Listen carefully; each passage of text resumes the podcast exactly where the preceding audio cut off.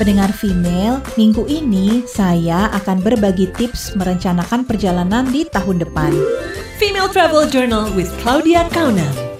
Hai pendengar female, selama ini kalau traveling ke suatu tempat, pendengar female masukin nggak tempat-tempat bersejarah atau museum ke jadwal perjalanannya? Kalau belum, tahun depan mungkin kita bisa mulai memasukkan unsur pendidikan kalau kita lagi traveling bersama anak-anak kita. Sebenarnya bukan hanya bisa didapat dari kunjungan ke museum atau ke tempat bersejarah, tapi bisa juga dengan mengajarkan anak-anak kita untuk ikut membaca peta transportasi dan mematuhi kebudayaan dan kebiasaan setempat. Jadi pendengar female, untuk tahun depan banyak traveling dan banyak belajar juga ya.